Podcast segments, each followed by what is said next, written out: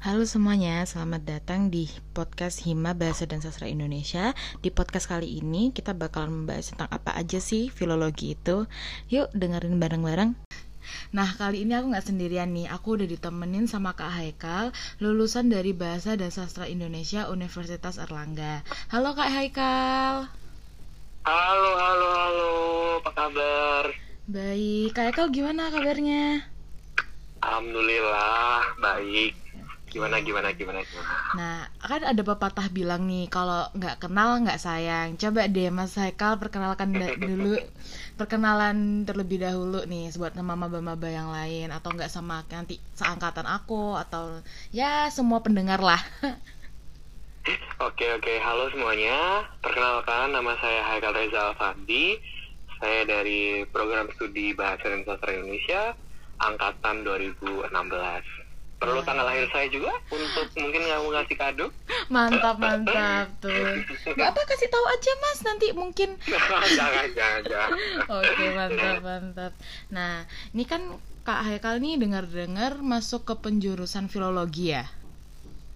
Dengar dari siapa? dengar dari mana ya? Bener banget kan? Ini aku nggak salah fakta kan ya? Enggak, enggak, enggak benar kok. Kamu menghubungi Haikal yang benar. Oke mantap. Nah aku nih mau nanya nih ke Kak Haikal. Alasan Kak Haikal tuh kenapa sih dulu mau ngambil bahasa dan sastra Indonesia? Apakah tuntutan kah? Atau pasrah kah? Atau gimana tuh? ya mungkin kenapa alasan aku memilih bahasa dan sastra Indonesia untuk sebagai major aku eh, aku dari aku kan dari SMA itu ada kalau aku nggak tahu ya sekolah sekarang gimana ya kalau waktu zaman aku dulu aku kan ikut kurikulum 2013 nah di situ aku masih ngeyel tuh masih masih cita-cita itu nggak realistis dengan bakat. Jadi aku dulu tuh pengen banget jadi dokter hewan tapi tapi lucunya aku tuh ngambil peminatan jadi kalau di eh, waktu aku sekolah dulu jadi aku masuk IPA dari kelas 10 tapi aku ambil peminatan bahasa dan khususnya bahasa Indonesia dan bahasa Inggris setelah itu aku merasa bahwa eh, lambat laun aku nggak merasakan bahwa sepertinya IPA bukan jalan terbaik untuk hidup aku Bener bener. dan dan aku terus uh, memutuskan untuk bilang ayah bilang kalau uh, aku pengen tes minat bakat aku pengen tes apa sih kemampuanku di mana minatku di mana bakatku dan setelah aku tes ternyata memang aku punya bakat dan minat di dunia kebahasaan karena uh, kalau kata psiki- uh, psikolog deh ingat itu. Psikolog yang ngetes aku itu uh, aku punya kemampuan bahasa yang di atas sangat jauh di atas rata-rata. Jadi aku bisa memahami struktur kata dengan kompleks baik itu bahasa yang aku kenal maupun yang tidak aku kenal. Nah dari situ uh, ayah ayah sebenarnya juga nggak waktu aku bilang oke aku pengen masuk bahasa dan sastra Indonesia uh, uh, ayah waktu itu bilang kok nggak ilmu komunikasi aja? Kan juga sama-sama hubungannya tentang uh, antar sosial manusia gitu loh. Kan itu juga berhubungan dengan bahasa juga. Iya bener. terus aku bilang no no no it's a, it's a different thing. Aku benar-benar ingin belajar mengenai struktur bahasa. Aku mau mengerti seluk beluk bahasa dan aku pengen apa ya eh, berkontribusi juga lah untuk bahasa aku sendiri karena IR Soekarno pernah berkata bangsa yang besar adalah mereka yang menghargai bahasa oh menghargai jasa pahlawannya Mantap. Iya. Tuh. Tapi juga banyak yang kayak tanya, kok nggak masuk sastra Inggris aja? Kan juga sama-sama bahasa atau sastra Arab atau sastra yang lain. Kalau aku pribadi ya menurutku, kenapa kita harus membawa budaya luar ke dalam? Kenapa bukan kita membawa budaya kita keluar? Kayak gitu. Makanya itu alasan aku masuk bahasa dan sastra Indonesia. Wah mantap Pilihan satu, banget. Anissa. Iya bener banget mantap banget sih kak Sumpah itu bener-bener maksudnya beda gitu loh Ternyata kakak tuh emang udah berpengalaman banget Maksudnya udah berpengalaman luas gitu loh tentang maksudnya mau ngasih alasan ke orang tua kan kita benar-benar yang buat ngeyakinin orang tua ya. sendiri kan susah gitu kan nah ini kak sekalian hmm. lagi kenapa kok Agak filologi terberat, kan? oh ya. kenapa kok filologi okay. ya ini yang kan biasanya filologi okay, okay. itu kenapa aku memilihnya uh jarang banget uh, ada orang yang mau filologi iya. hmm, nah uh, berangkat dari tadi itu aku tidak munafik ya. Aku tidak munafik. Aku ingin sekali studi keluar cita-cita aku. Dan waktu beberapa waktu lalu waktu aku masih kayak labil gitu aku sebenarnya dulu nggak pernah kepikiran untuk ngambil filologi. Aku dulu kepikiran utamanya itu aku ingin masuk sastra waktu awal-awal karena aku suka banget baca puisi baca novel dan suka lihat pementasan drama. Lalu aku merasa oh tidak tidak tidak. Sepertinya aku hanya sebagai seorang penikmat karya sastra aja bukan sebagai kritikus dan sebagainya. Aku hanya bisa menikmati. Sebenarnya ini bukan jalan aku. Akhirnya aku pindah ke Lingu. Pindah ke Lingu ternyata aku tidak cukup peka untuk menjadi anak Lingu karena di Lingu Isik sendiri dibutuhkan mereka-mereka pribadi-pribadi yang harus peka terhadap lingkungan kan karena mereka harus mengerti uh, masalah bahasa apa yang sedang in sekarang. Dan aku tidak mempunyai itu. Dan aku merasa oh kayaknya emang bukan jalanku di sini deh. Nah akhirnya aku aku coba filo deh mungkin filo deh aku mungkin filo dan aku coba aku coba beberapa uh, waktu ngikutin mata kuliah mata kuliah filologi aku merasa penasaran kayak I want learn more. Kayak rasa penasaran itu yang berangkat dari situ aku akhirnya milih oke okay, kayaknya filologi adalah jalan yang harus aku tempuh kayak gitu. Ih, mantap, mantap banget. Penjelasannya kakak ini benar-benar luas banget kak. Maksudnya kayak untuk menetap menetapkan diri sendiri bahwa oke okay, aku harus ngambil ini tuh benar-benar yang jarang kita dapetin sekarang gitu kan jangan gitu dong. Malu aku. Oke nih. Langsung ke pertanyaan selanjutnya ya kak. Nih apa aja okay, sih kak okay. yang dipelajarin dari filologi itu sendiri? Ya kayak kepo-kepo nih sama bidang filologi. Oh. Oke oke, jadi kalau kita bicara soal filologi ya, uh, dari yang aku pelajari selama empat tahun berkuliah di bahasa dan sastra Indonesia, aku bisa bilang uh, nanti teman-teman pasti akan dapat pertama uh, uh, apa pengantar jelasnya pengantar filologi di situ. Kalian akan dijelaskan apa sih itu filologi? Nah setelah satu semester belajar tentang pengantar apa apa aja sih filologi? Bidang ilmunya apa aja? Objek kajiannya apa aja? Teori yang bersangkutan apa aja? Lalu tokoh-tokohnya siapa saja. Nah terus kita akan belajar tentang jadi filologi itu hanya terbagi menjadi dua dua saja dua kelompok ilmu besar. Yaitu pertama kodikologi dan kedua tekstologi.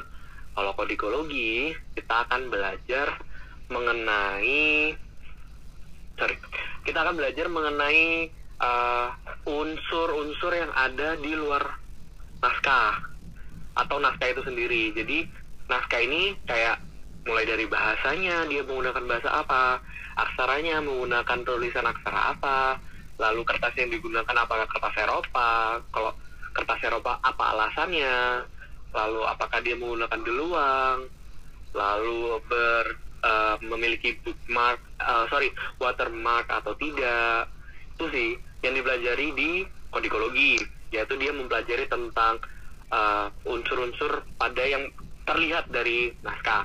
Lalu yang kedua ada tekstologi.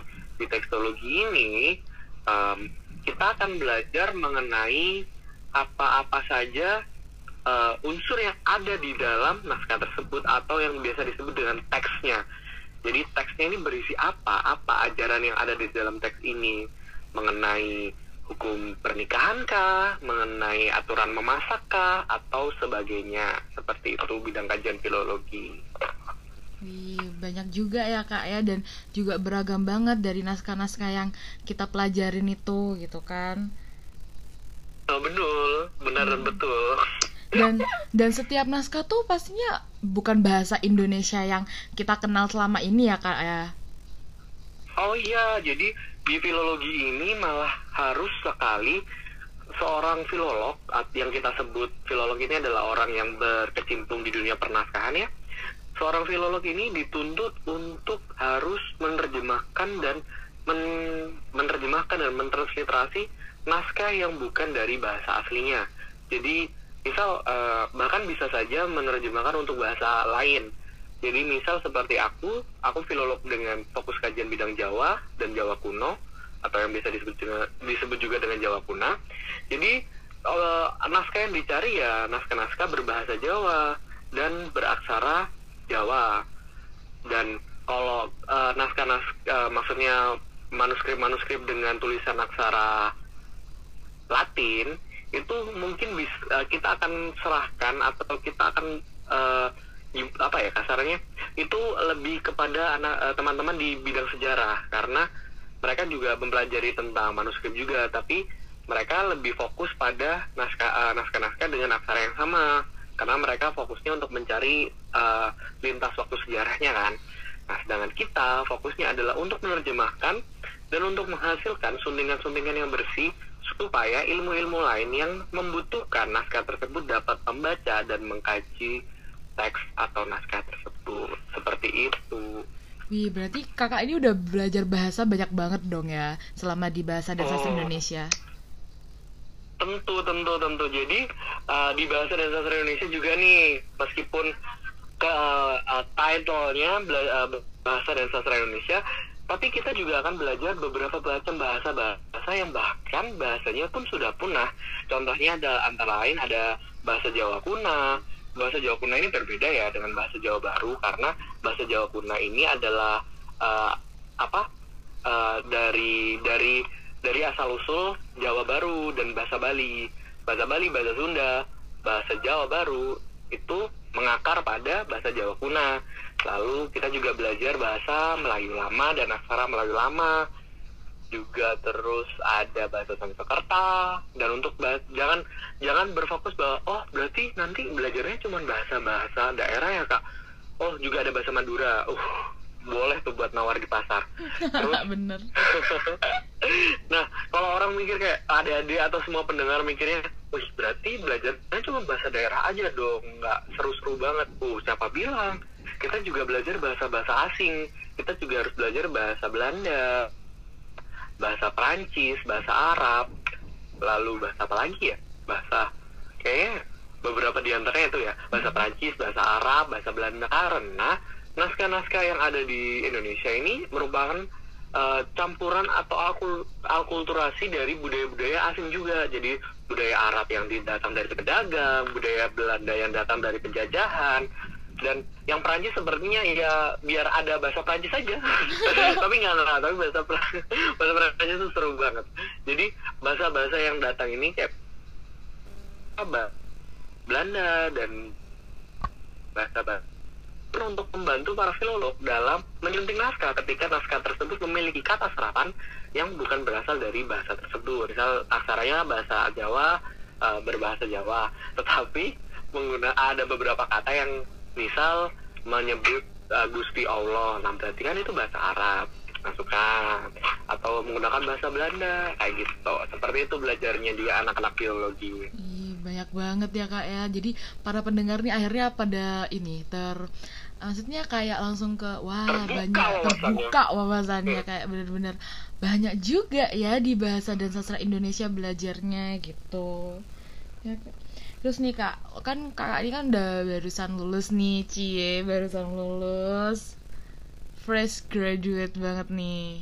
Alhamdulillah. Nah, dalam pembikinan skripsi sendiri, kakak ini agak keribetan nggak kalau misalkan, maksudnya mengambil bidang filologi, terus mengambil naskah-naskah juga kan kak pastinya, itu kesusahan nggak sih? Iya betul. Nah, kalau di filologi khususnya di bahasa dan sastra Indonesia ini uh, untuk skrip untuk skripsi ketua minat kita, ketua minat kami, sorry, itu memberikan dua opsi pilihan, yaitu pertama mengkaji naskah dan yang kedua mengkaji folklore. Nah, apa tuh kak? Kok tadi nggak disebutin? Nah, jadi folklore di sini ialah uh, teks-teks uh, yang tidak tertulis atau yang kita sebut sebagai uh, apa ya aku bisa menyebut sebagai dongeng mitos legenda itu termasuk dalam folklore yang jika ditelisik secara eh, epistemologi terdapat dua kata yaitu fox dan lore yang berarti cerita dan masyarakat. Itu biasanya mereka ini fokus bidang kajiannya mereka mengkaji mengenai yang beberapa di antaranya itu ada yang membahas tentang resep makanan, lalu baju, fashion, fashion secara adat ya, bukan fashion bukan fashion week di Jakarta ya, bukan. Jadi kayak motif batik, motif batiknya kenapa kak kok kayak gini, kenapa harus kayak gini. Nah itu mereka meneliti, jadi mereka turun langsung ke lapangan untuk uh, mencari makna dari uh, beberapa batik-batik tersebut. Lalu selain itu juga ada cerita-cerita kayak uh, cerita asal usul Nyai Roro Kidul, penelitian di mana salah satu mahasiswa kakak tingkat kita meneliti dari mana sih asal cerita Nyi Roro Kidul ini, kenapa dia begitu santar dan begitu membahana namanya di Indonesia Raya ini. Nah itu juga penelitian dari folklore. Kedua, yaitu bidang kajian ilmu yang membahas mengenai naskah naskah yang seperti aku ambil aku memilih uh, aku memilih naskah khususnya yang berfokus pada bahasa dan aksara Jawa. Karena aku sendiri orang Jawa dan aku merasa seperti aku harus melestarikan budaya sendiri. Kesusahan-kesusahannya jelas karena kita kita uh, kami maaf kami dituntut untuk meneliti naskah yang belum pernah sama sekali diteliti oleh peneliti lain. Satu, lalu umur dari naskah tersebut harus minimal berumur 50 tahun dari tahun kita sekarang. Lalu dan ter, uh, dan juga terakhir halaman yang halaman yang ada pada naskah harus minimal yaitu berjumlah 50 halaman. Itu minimal.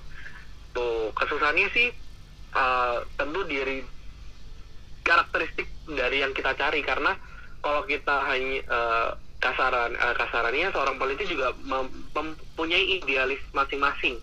Ketika dia pingin oh oke okay, aku pengen meneliti naskah ini tapi ada beberapa sisi di mana oh tapi kok bahan pembahasannya tidak cocok dengan aku seperti itu. Itu sih kendala-kendala utamanya yang aku uh, harus hadapi ketika mencari naskah ketidakcocokan dengan ideologi yang aku pegang seperti itu ternyata maksudnya di satu sisi lain juga banyak kendala yang emang kita kurang tahu juga gitu ya kak ya tapi selebihnya iya. pengalaman kakak di bahasa dan sastra Indonesia sendiri terus juga penjurusan di filologi tuh banyak banget kan kak ya bagi-bagi dong kak cerita-ceritanya Oke oke oke. Jadi pengalaman aku selama kuliah di bahasa dan sastra ini, bahasa Indonesia, sastra bahasa dan sastra Indonesia ini selama empat tahun, aku mendapatkan banyak sekali pengalaman khususnya di bidang filologi ya. Karena ya. ketika kita di semester 1 bahkan semester 1 Anissa kita itu sudah harus PKL waktu hmm. itu kan pengantar filologi tapi PKL-nya nggak jauh-jauh banget. Kita ke Sidoarjo kita ke Museum Putan Tular di situ kan juga uh, salah satu tempat penyimpanan naskah yang ada di Jawa Timur. Dan lokasinya juga dekat dengan kita. Jadi kita secara langsung melihat oh naskah itu seperti ini toh kayak gitu karena sebenarnya juga kalau teman-teman berkenan uh, atau tapi sedang PSBB ya, sedang corona juga ya ini. Aduh. Jadi di Bahasa dan Sastra Indonesia ini menyediakan yang namanya lab filologi. Lab filologi ini bisa diakses untuk eh, mereka-mereka uh, yang ingin mengetahui secara lebih banyak, lebih banyak mengenai hal-hal berbau filologi atau naskah dan teks. Di situ ada beberapa koleksi naskah khusus. Jadi uh, Sasindo ini sebenarnya juga punya koleksi naskah dan ada beberapa di antaranya ada di lab filologi yang berada di lantai 3 di depan ruang 302. Lalu selain um, waktu awal maba itu aku juga PKL lagi semester 3. Semester 3 aku PKL kodikologi yang mengenai unsur-unsur naskah yang aku tadi bilang soal uh, bahasa dan kertas lalu tulisan dan sebagainya. Itu aku PKL ke Solo. Itu seru banget Anissa. Soalnya ketika lagi dengerin dengerin kamu tahu apa yang terjadi? Apa temen aku lagi diem. Eh kesurupan ah, seru banget itu. asik banget asik banget. pan kayak oh my god drama apa lagi ini? Mau aku masuk sini drama. We love good drama. Hmm. ya gitu kan terus hmm. oke wih seru nih. Mistis mistis boleh nih buat kajian di situ itu titik balik gimana aku langsung mikir oke okay, oh kayaknya mau masuk filologi deh? Kayak seru banget. Terus habis itu selang satu semester atau dua semester akhirnya kita akan PKL lagi. Dan itu lokasinya uh, ditentukan dari angkatan kita tersendiri. Jadi waktu itu aku ke Blitar untuk meneliti namanya desa Kemloko di desa Kemloko Blitar. Di situ ada yang namanya reok. Nah reoknya ini berbeda dari reok biasanya. Nah kita teliti. Itu salah satu mata kuliah folklore yang tadi aku jelasin juga mengenai tentang santet dan guna-guna lalu itu juga ada di uh, bukan santet sih ya lebih ke kayak ilmu ilmu ilmu Jawa Hmm. saya tidak mau mengatakan santet ya Iya benar. Ini pendengar langsung kayak, uh santet, uh oke. Oh, santet. Apa nih masa kuliah belajar santet? Lebih ke ilmu-ilmu Jawa. Itu ada juga di mata kuliah naskah ilmu tradisional. Nah, itu kita belajar tentang pengobatan juga, naskah-naskah pengobatan. Bukan belajar pengobatannya ya, tapi belajar naskah pengobatannya. Jadi kita kita melihat oh naskah pengobatan itu berciri seperti ini ini ini. Lalu selain itu kita juga uh, belajar gimana cara merawat naskah kan nggak mungkin kan sebagai seorang filolog kita juga masa hanya bisa mentafsirkan isi nas naskah tapi tidak bisa merawat naskah tersebut. Nah, itu juga ada mata kuliahnya namanya preservasi naskah. Itu kita PKL lagi. Hmm, banyak jalan-jalan ya kak ya. Nah, ini itu salah satu privilege dari juri penjurusan eh filologi ya. Ada ada lah enaknya, ada advantage dan disadvantage-nya ya. Ada keunggulan dan tidak keunggulannya. Salah satunya keunggulannya ya kita sering banget jalan-jalan, kita sering nggak ada di kelas. Tapi nggak eh, ketidakunggulannya adalah eh, money, money yang harus kita spend it a lot. Jadi banyak banget. Ya nggak nggak juga banyak sih. Lebih ke juga kan ada dana bantuan. eh, salah satu ya kalau bisa hemat hemat aja. Bukan berarti nanti pendengar langsung, uh berarti penjurusan filologi mahal-mahal ya. Enggak, enggak kok. Itu kan tergantung dari tiap-tiap penjurusan, eh ma- tiap-tiap angkatan. Jadi kayak, oke, aku pengen PKL ke sini. Kalau di asisi dosen, lalu teman-teman dari satu angkatan setuju semua, berarti tidak tergi- terken- terkendala. Jadi semua itu bisa dirembukan kembali dengan teman-teman kayak gitu. Wah, ternyata seru juga ya kak ya kalau misalkan mau ngambil jurusan filologi ini penjurusannya. Nah, ini udah nyampe di penghujung acara nih. Eh, acara udah nyampe penghujung. Bincang-bincang kita berdua.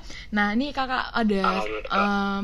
Apa ada pesan-pesan nggak buat mungkin para pendengar atau maba-maba yang baru dengerin? Buat kakak apa kakak-kakak seumuran aku? Eh seumuran seangkatan ke atasnya buat adik-adik ya kakak nih.